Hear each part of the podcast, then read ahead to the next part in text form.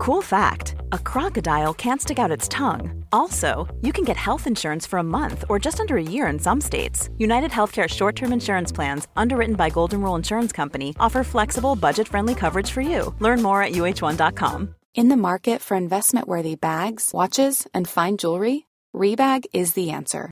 Rebag is a luxury resale platform where each piece is carefully inspected by experts to ensure quality and authenticity. Use Rebag to buy and sell finds from the world's top brands, including Louis Vuitton, Chanel, and Cartier. Head to Rebag.com and get up to 15% off your first purchase as a member with code REBAGNEW. Shop today at Rebag.com. That's R E B A G.com. And use promo code REBAGNEW for up to 15% off your first purchase as a member. I'm Sandra, and I'm just the professional your small business was looking for. But you didn't hire me because you didn't use LinkedIn jobs. LinkedIn has professionals you can't find anywhere else, including those who aren't actively looking for a new job but might be open to the perfect role, like me.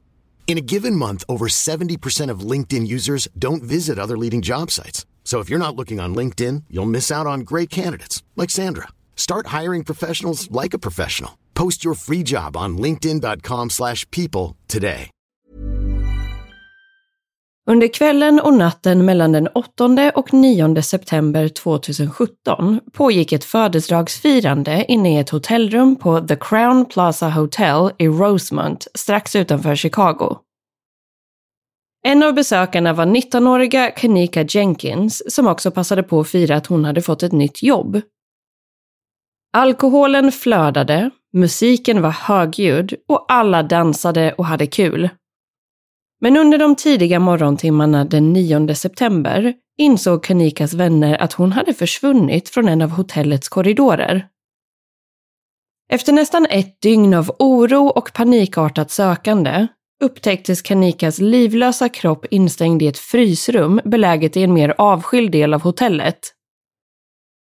Dödsfallet rubricerades som en olycka, men långt ifrån alla är övertygade om att detta faktiskt stämmer.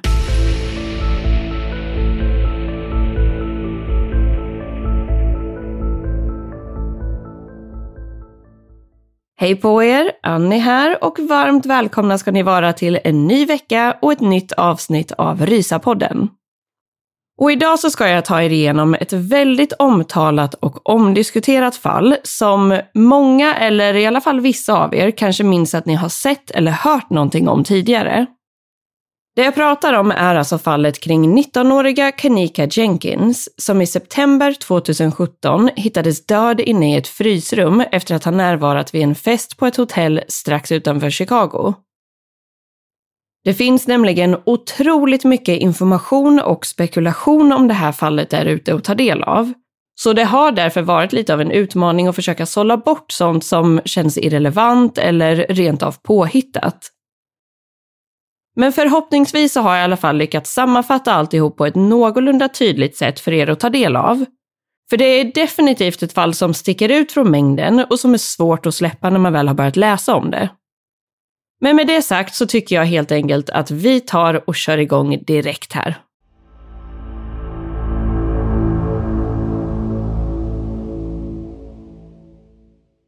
Kanika Jenkins föddes den 27 maj 1998 och växte upp i Chicago.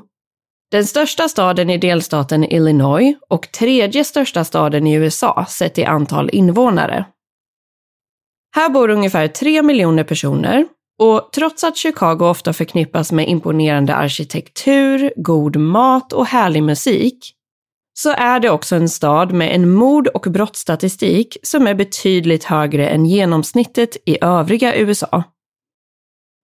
Och framförallt så gäller detta för vissa specifika områden i staden. Och en av de mer utsatta delarna är North Lawndale som ligger i den västra delen av Chicago och som också råkade vara platsen där Kenika Jenkins växte upp.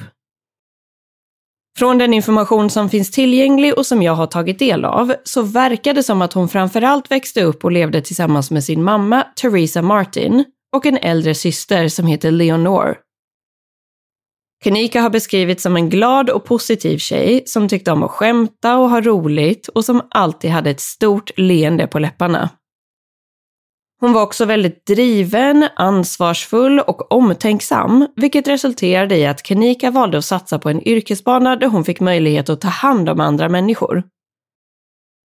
I september 2017 hade den då 19-åriga Kenika precis fått ett nytt jobb på ett äldreboende, vilket hon också ska ha varit väldigt stolt och glad över.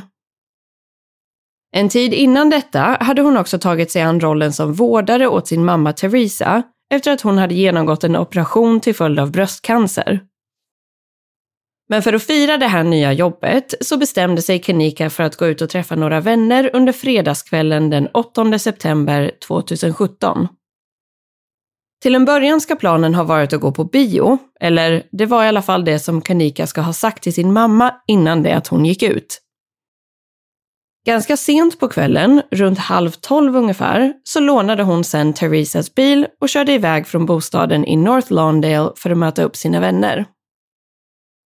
I slutändan blev det dock ingen bio, utan de hamnade istället på en privat fest som anordnades på ett hotell som ligger i området Rosemont precis i närheten av Chicagos flygplats O'Hare Airport.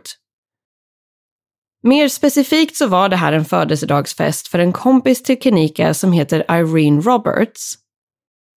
En person som senare skulle bli väldigt omtalad och central i det här fallet. Och allt det här kommer vi in på lite mer senare. Hotellet där festen ägde rum heter Crown Plaza Chicago O'Hare Hotel and Conference Center, men kallas oftast bara för The Crown Plaza Hotel. Och det här är ju alltså en del av den stora och kända hotellkedjan Crown Plaza som driver hotell lite överallt runt om i USA och resten av världen. Innan Kanika och hennes vänner anländer till hotellet ska de ha stannat till för att plocka upp en portabel högtalare, en flaska Hennessy konjak energidryck och marijuana. Runt klockan kvart över ett på morgonen under lördagen den 9 september så klev Kenika in på The Crown Plaza Hotel och var då i sällskap med tre andra tjejkompisar. Ett ögonblick som också fångades på bild via en av hotellets många övervakningskameror. Ungefär en kvart senare, runt klockan halv två på natten, så skickade Kanika ett sms till sin syster och det här är den sista direktkontakten hon hade med sin familj. Och utifrån att det inte specifikt rapporteras om vad som stod i det här smset så var det troligtvis ingenting ovanligt eller konstigt med just den kommunikationen. Strax efter detta, klockan 01.36, så lägger födelsedagsbarnet Irene Roberts ut en Facebook Live-video där man kan se och höra en massa personer som festar inne i hotellrummet som låg uppe på nionde våningen. Irene själv pratar in i kameran och har på sig ett par stora solglasögon med spegelglas.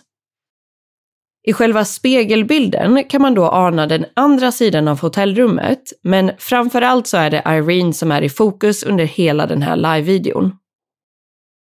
I den här videon kan man också höra när någon säger att Kanika är full och att hon på ett ganska sluddrande sätt svarar att hon inte alls är full och att hon bara är trött. Och det finns lite andra detaljer kring den här videon som eh, vi också kommer att återkomma till om en stund här. Men det var inte bara Irene som var aktiv på sociala medier under festen. Ungefär en halvtimme efter detta, runt klockan kvart över två, så delade Kanika själv en video på Snapchat där hon ser ut att befinna sig inne på en hotelltoalett tillsammans med en av sina tjejkompisar. Och det finns lite olika uppgifter om videos som delades och bilder som togs under kvällen. Men fram till den här tidpunkten så verkar det i alla fall som att Kanika överlag verkar glad och som att hon mår bra.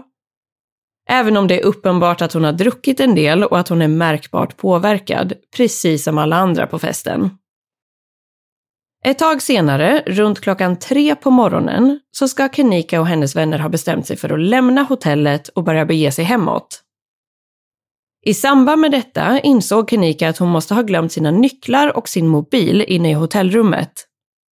Hennes vänner ska då ha lämnat Kenika i närheten av en hiss i hotellkorridoren uppe på nionde våningen, medan de skyndade tillbaka för att plocka upp hennes nycklar och mobil.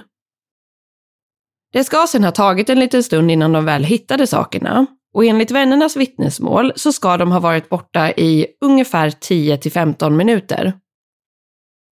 När de väl kom tillbaka till korridoren där de hade lämnat Kenika så insåg de att hon inte längre stod kvar på samma plats och att hon verkade ha försvunnit iväg någonstans.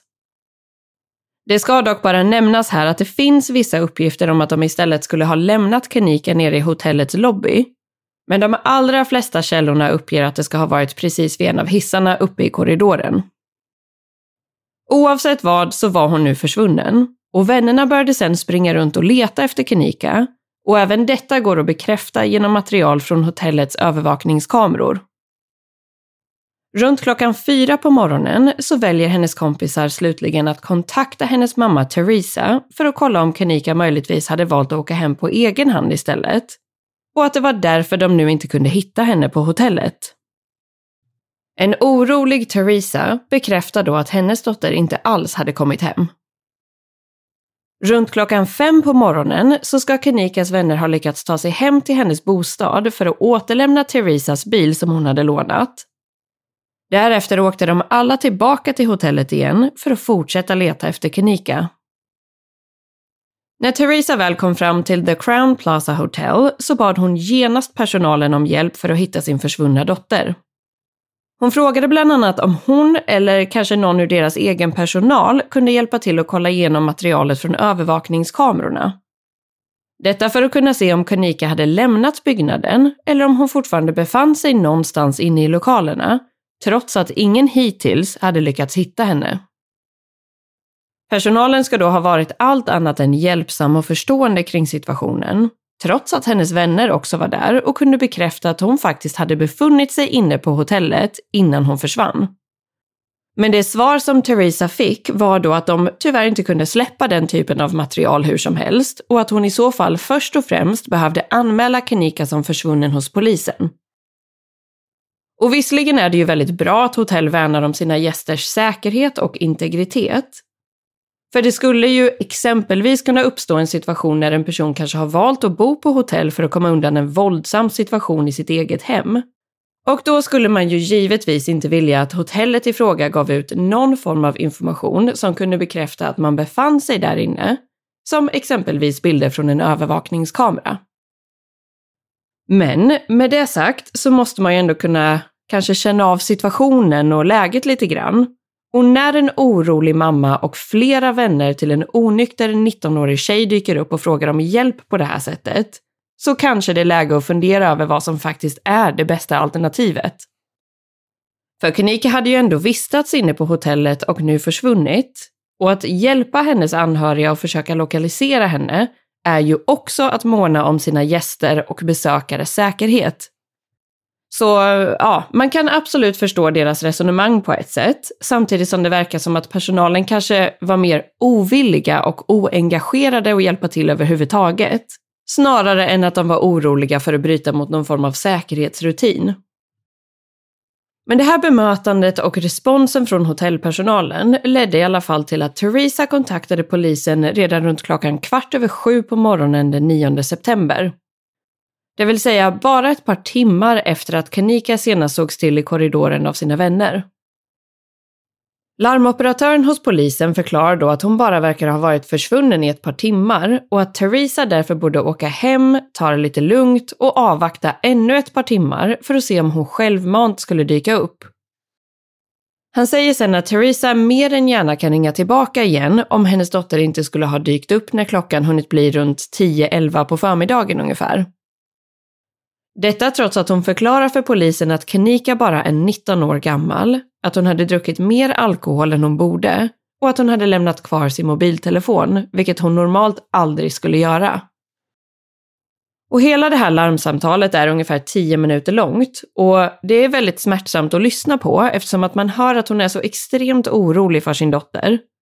Och när larmoperatören försöker vara lugn och rationell och säga saker som att hon kanske bara valde att sticka iväg någonstans med en annan kompis, så märker man väldigt tydligt att hon försöker tro på det han säger, men att hon ändå anar att någonting inte står rätt till. Under samtalet tar Theresa också upp vid flera tillfällen att hon gärna vill att polisen kollar igenom bilderna från hotellets övervakningskameror så fort som möjligt. Och får då höra att det kan ta en liten stund innan det kan ordnas, men att de absolut har möjlighet att kolla igenom materialet senare. I slutändan blir det så att Theresa gör som polisen rekommenderar och väntar ännu ett par timmar innan Kanika anmäls som försvunnen. Runt klockan kvart över ett på eftermiddagen den 9 september så hade en anmälan gjorts och polisen anlände till The Crown Plaza Hotel för att börja en mer ordentlig genomsökning av lokalerna.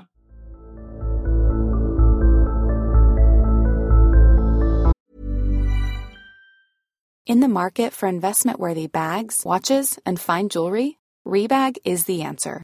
Rebag is a luxury resale platform where each piece is carefully inspected by experts to ensure quality and authenticity. Use Rebag to buy and sell finds from the world's top brands, including Louis Vuitton, Chanel, and Cartier. Head to Rebag.com to get 5% off your first purchase with code REBAGNEW. Shop today at Rebag.com. That's R E B A G.com. And use promo code REBAGNEW for 5% off your first purchase. Quality sleep is essential. That's why the Sleep Number Smart Bed is designed for your ever evolving sleep needs. Need a bed that's firmer or softer on either side? Helps you sleep at a comfortable temperature? Sleep Number Smart Beds let you individualize your comfort so you sleep better together. JD Power ranks Sleep Number number 1 in customer satisfaction with mattresses purchased in-store. And now, save 50% on the Sleep Number limited edition Smart Bed for a limited time. For JD Power 2023 award information, visit jdpower.com/awards. Only at a Sleep Number store or sleepnumber.com.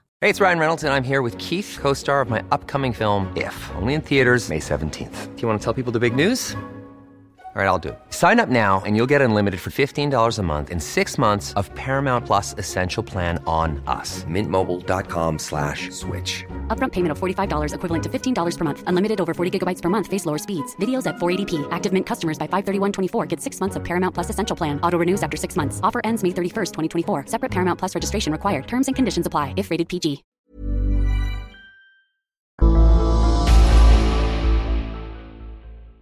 Väl på plats så började polisen med att leta efter Kanika i och runt själva hotellrummet på nionde våningen där festen hade pågått, samt flera andra delar av hotellet.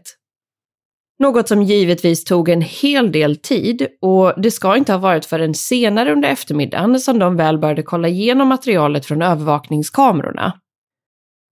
Något som känns lite märkligt eftersom att man ganska enkelt borde ha kunnat spola fram till tidpunkten då Kanika försvann från sina vänner och därefter kunna se åtminstone åt vilket håll hon hade begett sig efter det.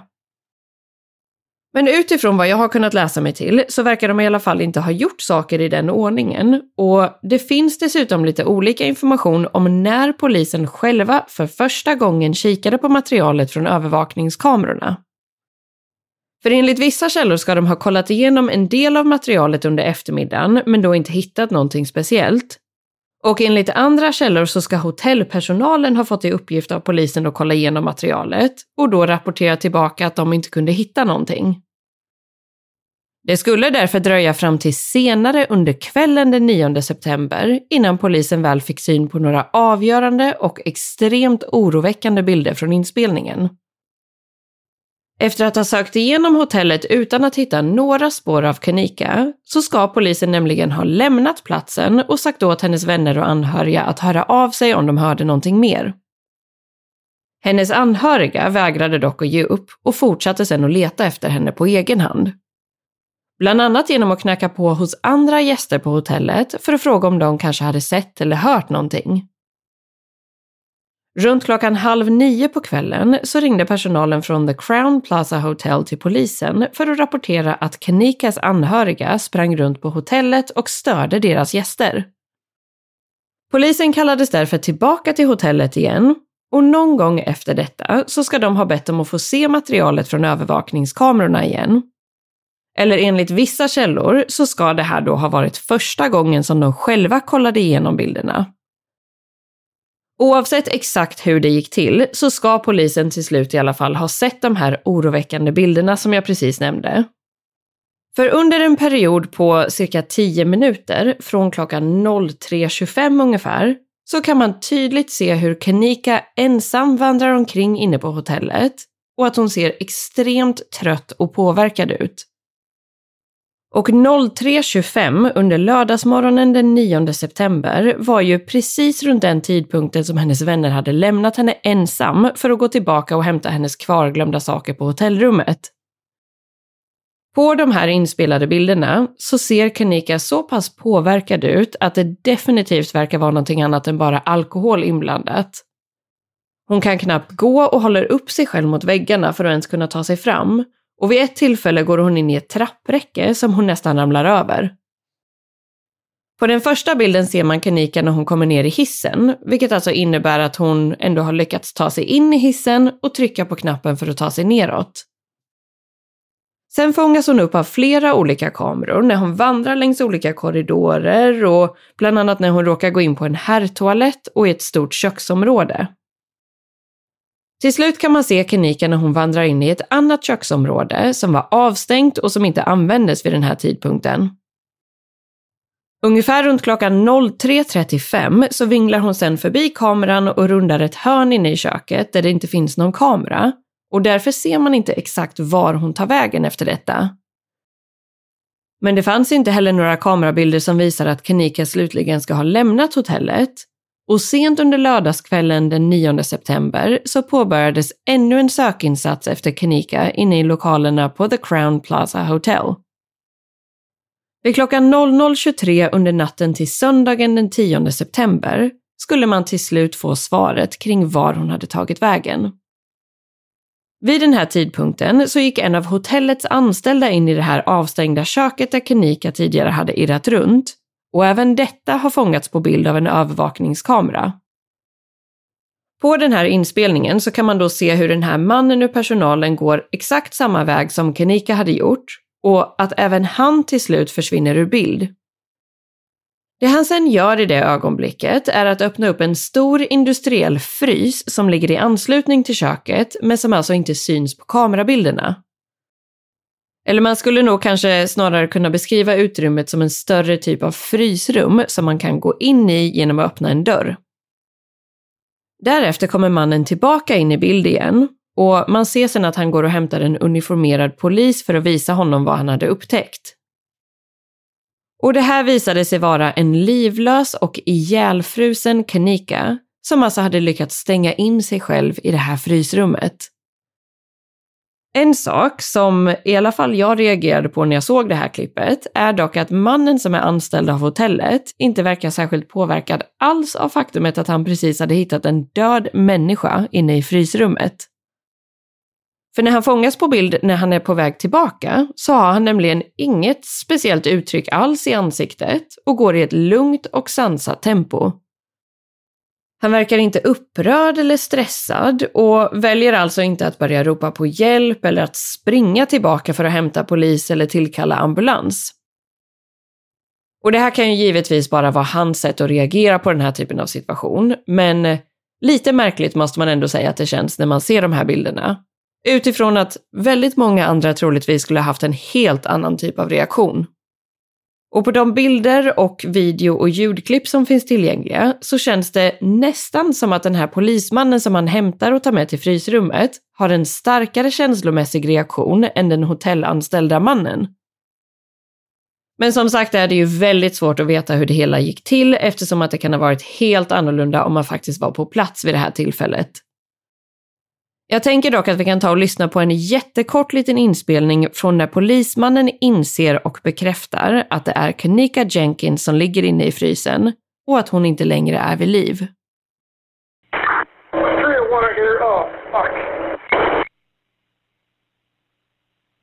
Oh everything 10-4? Negative. I have that uh, subject in the kitchen in a freezer som man kan höra polisen säga i den här ljudupptagningen så var Kanika helt förfrusen när hon hittades. Och man kunde senare bekräfta att hon troligtvis hade legat inne i frysrummet från den tidpunkten då hon försvann ur bild från övervakningskameran i det avstängda köksutrymmet.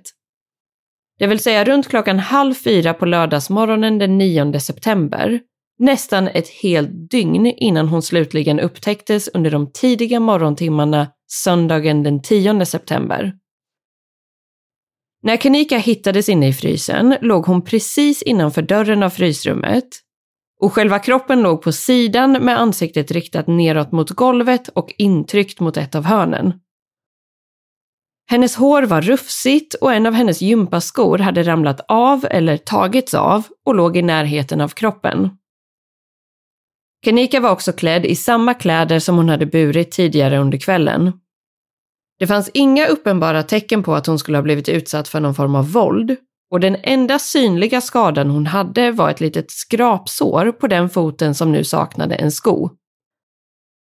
Hon dödförklarades på plats klockan 00.48 den 10 september, drygt 20 minuter efter att hennes kropp upptäcktes.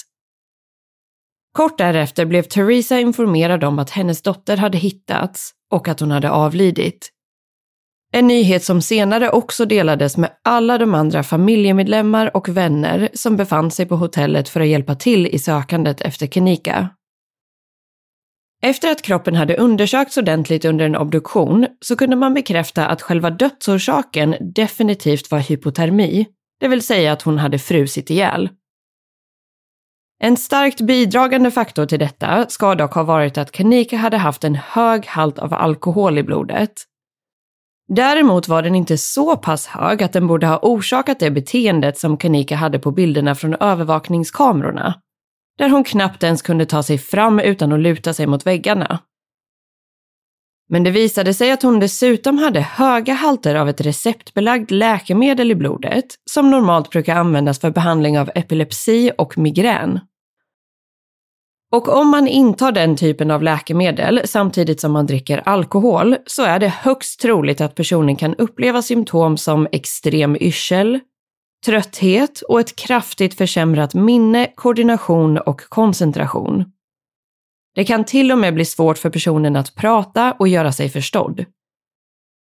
Med andra ord var det här en väldigt dålig och i detta fall en dödlig kombination. Och den stora frågan var varför det här läkemedlet upptäcktes i Kenikas kropp och hur det hade hamnat där. Hennes mamma Theresa kunde intyga att hon inte hade något recept för den här typen av medicin eftersom att hon inte led av de här problemen. Och hennes vänner kunde intyga att det var väldigt olikt Kenika att konsumera droger på det här sättet. Hon ska nämligen ha varit tydlig med att hon inte gillade känslan av att bli hög på piller och brukade därför inte använda sånt även om många andra i hennes bekantskapskrets gjorde det. Det var ju såklart inte helt omöjligt att hon ändå självmant hade tagit den här drogen. Antingen bara för att hon ville testa, eller av misstag eftersom att hon trodde eller att någon sa åt henne att det var någon annan typ av piller. En annan möjlighet är såklart att någon annan spetsade hennes drinkar med det här läkemedlet och att hon inte ens var medveten om att hon fick i sig den här drogen. Ganska direkt efter Kenikas död började vilda spekulationer, teorier och åsikter spridas online och ute på Chicagos gator i form av protester. Något som eskalerade allt mer när polisen sen gick ut offentligt och sa att Kenika Jenkins död hade rubricerats som en tragisk olycka och att utredningen nu skulle läggas ner. Detta utifrån resultatet och slutsatserna från den rättsmedicinska obduktionen och faktumet att det inte fanns någonting som tydde på att Kanika hade blivit utsatt för någon form av brott eller annan våldsam handling. Familjen Jenkins valde senare också att låta en annan opartisk patolog utföra ännu en obduktion på Kanikas kropp. Den här patologen kunde också bekräfta att det inte fanns några som helst tecken på att hon skulle ha blivit utsatt för någon form av våld eller sexuellt övergrepp innan hon dog. Men det här räckte inte som förklaring för Kanikas familj och anhöriga, eller alla de människor som tog del av allt det material som polisen hade släppt till allmänheten. Däribland bilderna på Kanika liggandes på golvet inne i frysen. Och videomaterialet från övervakningskamerorna där man ser henne vingla runt inne på hotellet, men där man aldrig faktiskt ser henne gå in i själva frysrummet där hon senare hittades. Det fanns dock inget videomaterial som tydde på att någon annan än Kenika befann sig i det här avstängda köksområdet, eller att hon exempelvis skulle ha blivit intvingad i frysrummet. Den stora frågan var dock hur hon i så fall skulle ha lyckats öppna upp de tunga dörrarna in till frysrummet och att sedan stänga in sig själv så pass länge att hon frös ihjäl.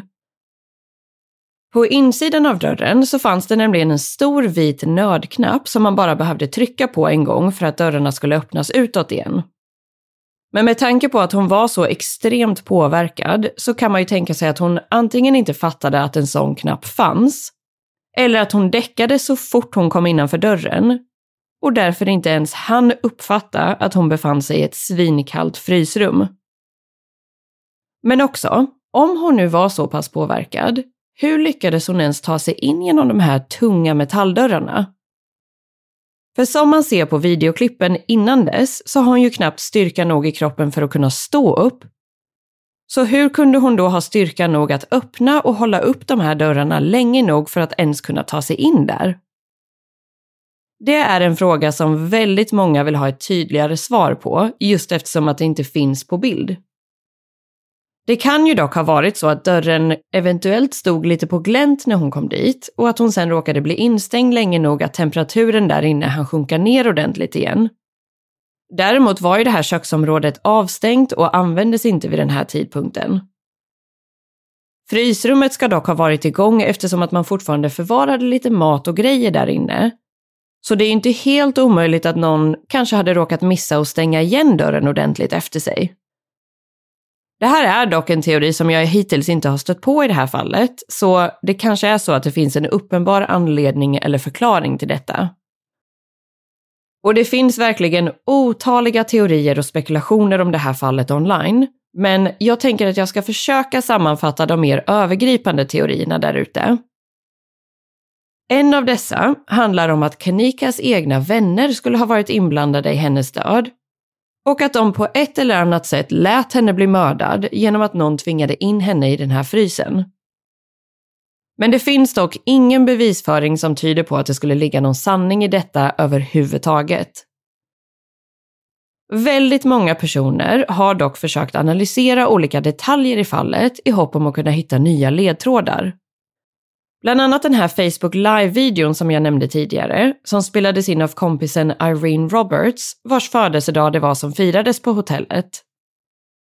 Folk har bland annat tyckt sig se och höra saker kopplade till både mord, våldtäkt och specifika summor pengar. Och trots att det inte fanns några tecken på att Kanika skulle ha blivit utsatt för någon form av sexuellt övergrepp så har många ifrågasatt varför hennes kläder inte riktigt sitter som de ska på bilderna som finns från frysrummet. Bland annat kan man på vissa av bilderna se att hennes byxor är lite neddragna och hennes överdel är uppdragen en hel del. Men flera medicinska experter har uttalat sig i det här fallet och då förklarat att i vissa fall av allvarlig hypotermi så kan personen i fråga drabbas av ett tillstånd som kallas för paradoxal avklädning. I det läget börjar personen som är kraftigt nedkyld att klä av sig, även om det såklart känns som det absolut sista man skulle vilja göra om det är så att man håller på att frysa ihjäl. Men det här skulle ju då kunna förklara både skicket på hennes klädesplagg, men också faktumet att hon bara hade en sko på sig. Det finns också en hel del personer som tycker sig höra Kanikas röst i bakgrunden av den här Facebook Live-videon och att hon då vid ett specifikt tillfälle ber om hjälp. Det här har dock aldrig kunnat bekräftas ordentligt och återigen så finns det mycket som talar emot detta och inga konkreta bevis för att detta skulle vara sant. Så alla de här vilda spekulationerna har framförallt bara orsakat att vissa av hennes vänner har behövt utstå både hot och hat online under flera års tid. Bland annat Irene Roberts, vars Facebook Live-video från festen numera har haft miljontals visningar på YouTube. Många har också skyllt på hennes vänner för att hon dog eftersom att de valde att lämna henne ensam på hotellet när hon var så pass påverkad. Och man kan ju verkligen förstå frustrationen och hur man tänker där, men samtidigt så var ju det här ett gäng onyktra och på annat sätt påverkade 19-åringar. Och att de skulle behöva bära skulden för hennes död kan ju därför kännas ganska hårt, extremt och framförallt väldigt orättvist. För alla har nog fattat beslut som man är mindre nöjd över och speciellt kanske i sina yngre och mer oansvariga dagar. Utöver det finns det ju mängder av bevis för att vännerna själva gjorde allt de kunde för att försöka hitta Kanika direkt efter att hon försvann. Bland annat att de sökte igenom hotellet och sen valde att kontakta hennes mamma. En annan populär teori är att The Crown Plaza Hotel ska ha varit inblandade i Kanikas död och att de sen ska ha försökt täcka upp eventuella bevis för detta.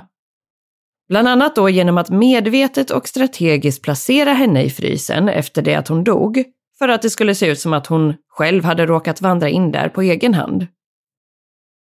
Hotellet har nämligen fått väldigt mycket kritik för att de inte gjorde någonting åt att det pågick en högljudd fest på nionde våningen, trots att flera gäster hade klagat över ljudnivån och personalen därför uppenbarligen var medvetna om situationen. Det ska dessutom som mest ha varit runt 30 personer inne i hotellrummet, när det egentligen var menat för ungefär fyra personer. Och det ska senare ha visat sig att kostnaden för själva rummet ska ha betalats med hjälp av ett stulet kreditkort. Slutligen så var det ju också massa unga personer som både drack alkohol och använde droger inne på rummet. Och i USA är ju gränsen för att dricka alkohol 21 år snarare än 18, vilket innebär att hotellet troligtvis hade brutit mot lagen på flera olika sätt. Och även om man kan förstå att en känd hotellkedja inte skulle vilja skada sitt rykte, så är det ju fortfarande väldigt oklart hur och varför de skulle ha varit inblandade i Kenikas död. Men även här finns det mängder av spekulationer och teorier. En annan betydligt mer legitim aspekt i kritiken gentemot hotellet är däremot hur de bemötte Theresa när hon bad om hjälp med att hitta sin dotter och frågade om de kunde titta på materialet från övervakningskamerorna åt henne. För om de hade varit snabbare och agerat direkt där så skulle ju Kenika eventuellt ha kunnat hittas betydligt tidigare och hade kanske till och med varit vid liv idag. Det finns därför många, däribland Kenikas egen familj, som misstänker att det var ett medvetet val och återigen att hotellet försökte dölja bevisföring genom att säga att de inte kunde dela materialet. En vanligt förekommande teori är till och med att personalen ska ha försökt fördröja tiden innan materialet visades, eftersom att man då höll på att redigera videoupptagningen från övervakningskameran och att man typ försökte retuschera bort någon ur personalen som ska ha följt efter henne. Men trots att det finns starka åsikter om detta så har flera experter uttalat sig om att det i princip vore helt omöjligt att kunna redigera materialet på den här typen av nivå. Och att sen konvertera tillbaka alltihop till det rätta filformatet för just övervakningskameror. Allt detta under en extrem tidspress och med väldigt begränsad kompetens och resurser. Så ja, det här är en ganska långsökt teori, men däremot så kan man ju verkligen förstå att de har fått kritik för att inte ha gjort tillräckligt eller verkat bry sig tillräckligt om att Kanika skulle hittas så snabbt som möjligt. Framförallt när man tänker sig in i Theresas situation och den ilska, frustration och sorg som hon måste ha känt över att inte bli lyssnad på när hon visste att någonting var fel och att hennes dotter var i fara. Och det finns även starka misstankar om att Kanikas försvinnande och Theresas förfrågningar gentemot både hotellet och polisen inte togs på fullaste allvar av den enkla anledningen att de var svarta. Något som i sånt fall vore extremt tragiskt, men som dessvärre inte är helt omöjligt utifrån det man vet om andra typer av fall där rasism och fördomar definitivt har haft en avgörande roll. Just den här frågan har därför legat till grund för många av protesterna och diskussionerna kring Kenikas fall. Eftersom många är övertygade om att hotellet och polisen hade agerat betydligt snabbare och på ett helt annat sätt om det till exempel hade varit en vit 19-årig tjej från ett finare område som hade försvunnit. I slutändan så finns det dock ingenting konkret som tyder på att Kenikas död var något annat än en tragisk olycka. Även om det såklart finns många frågetecken kring hur, när och genom vem som hon fick i sig det receptbelagda läkemedlet. Hur och om hon på egen hand tog sig in i frysrummet och hur hon sen inte lyckades ta sig ut därifrån trots att det fanns en relativt uppenbar möjlighet till detta.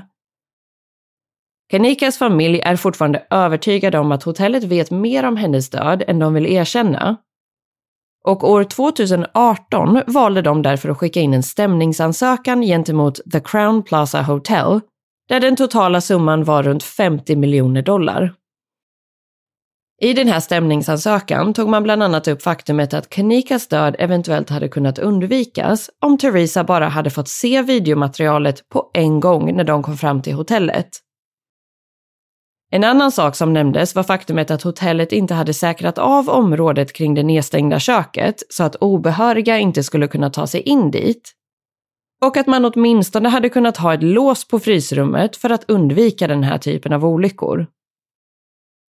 Slutligen valde man också att belysa faktumet att hotellet tillät en på flera sätt olaglig fest att pågå, trots att flera gäster hade klagat till personalen. Den här juridiska tvisten pågick sedan i flera år och så pass sent som nu i oktober 2023 så kom det ut information om att Theresa Martin och The Crown Plaza Hotel slutligen hade lyckats enas om en uppgörelse. Detaljerna kring exakt vad de kom fram till har man dock av olika skäl valt att inte dela med sig av till allmänheten.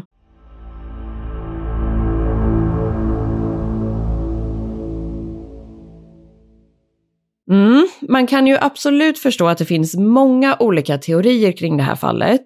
Och det är ju troligtvis främst på grund av att man inte fick ta del av slutet på videoinspelningen. För man kan ju följa Kanika under hennes sista stund i livet på övervakningskamerorna. Och det är ju därför så extremt olyckligt att just det ögonblicket som innehåller de allra viktigaste svaren inte finns med på videoupptagningen. För om man hade kunnat se att hon självmant öppnade den här tunga frysdörren och klev in, så hade det inte funnits särskilt mycket att diskutera överhuvudtaget. Däremot kan i alla fall jag känna att man inte verkar ha lagt tillräckligt mycket energi på att försöka spåra den personen som gett eller drogat Kanika med det här läkemedlet som fick henne att må så pass dåligt. Om det nu var någon annan som var ansvarig för den delen, vill säga. Men jag tänker att utifrån att man ändå vet ungefär vilka som befann sig på festen och att det här var en receptbelagd drog, så borde det inte vara helt omöjligt att kunna spåra individen. Däremot är det ju såklart inte helt otänkbart att tabletterna var stulna eller att de egentligen tillhörde någon annan som inte har någon som helst koppling till det här fallet. Så ja, som sagt, frågorna är återigen många och svaren är få. Även om det mesta givetvis tyder på att det faktiskt bara var en oerhört tragisk olycka. Men framförallt så lider man ju så otroligt mycket med Kanikas familj som har varit så desperata efter att få fler svar kring vad som hände och att någon måste hållas ansvarig för att hon inte längre lever. Och eh, i vanlig ordning så får ni hemskt gärna dela med er av vad ni har för tankar kring det här fallet. Förslagsvis via Instagram eller Facebook där vi heter Rysapodden. Och tills vi hörs igen nästa måndag säger jag som alltid tusen tack för att just du har valt att lyssna på det här avsnittet av Rysapodden.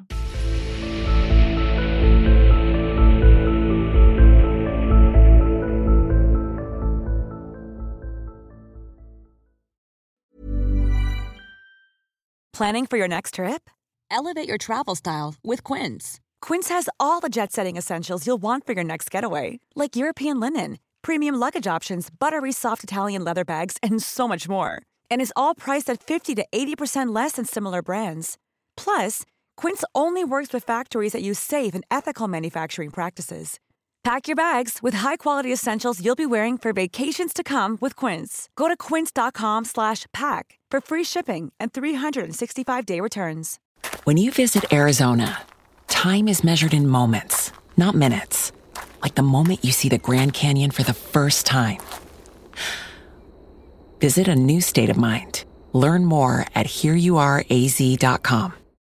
Protect your dream home with American Family Insurance. And you can weather any storm. You'll also save up to 25% by bundling home, auto, and life. American Family Insurance. Get a quote, find an agent at amfam.com. Products not available in every state. Discounts may not apply to all coverages on an auto or home policy. Discounts do not apply to life insurance policies. Visit amfam.com to learn how discounts may apply to you. American Family Mutual Insurance Company SI and its operating companies American Family Life Insurance Company 6000 American Parkway, Madison, Wisconsin.